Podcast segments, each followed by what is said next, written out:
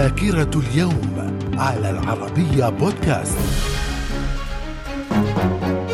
أهلا بكم إلى ذاكرة اليوم الثاني عشر من يناير ففي العام 1755 الإمبراطورة إليزابيث إمبراطورة روسيا تفتتح أول جامعة في بلادها في مدينة سان بطرسبرغ في العام 1773 تأسيس أول متحف للعموم في الولايات المتحدة في مدينة تشارلستون بولاية ساوث كارولاينا في العام 1816 فرنسا تحكم بنفي عائلة نابليون بونابرت إلى جزيرة سانت هيلينا وذلك بعد هزيمته أمام الإنجليز في معركة ووترلو عام 1815 من الذاكرة. ومن ذاكرة الثاني عشر من يناير في العام 1879 القوات البريطانية تجتاح بلاد الزولو في جنوب أفريقيا بقيادة الفريق تشيلمسفورد وذلك ردا على حرب الزولو ضد الاستعمار. في العام 1908 إرسال أول رسالة إذاعية لمسافات طويلة من برج إيفل.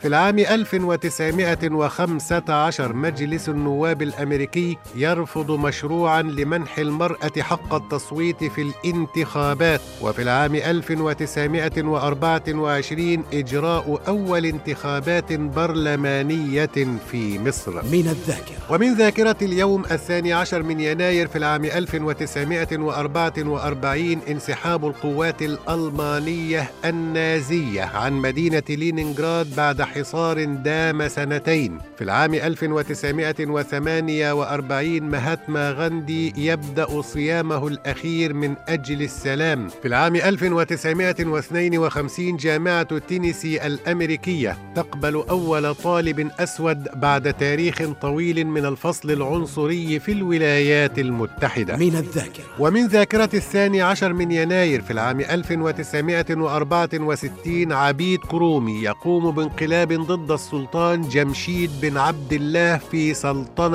زنجبار في العام 1974 إعلان الوحدة بين تونس وليبيا ووافق بموجبها العقيد معمر القذافي عن التنازل عن الرئاسة لصالح الرئيس التونسي الحبيب بورقيبة ولكنها لم تدم 24 ساعة. في العام 1990 رومانيا تحظر الحزب الشيوعي لتكون أول دولة من حلف وارسو تفعل ذلك مع انهيار الكتلة الشرقية عام 1990 من الذاكرة. ومن مواليد اليوم الثاني عشر من يناير في العام 1893 هيرمان غورينغ مؤسس البوليس السري الألماني الجستابو في عهد أدولف هتلر.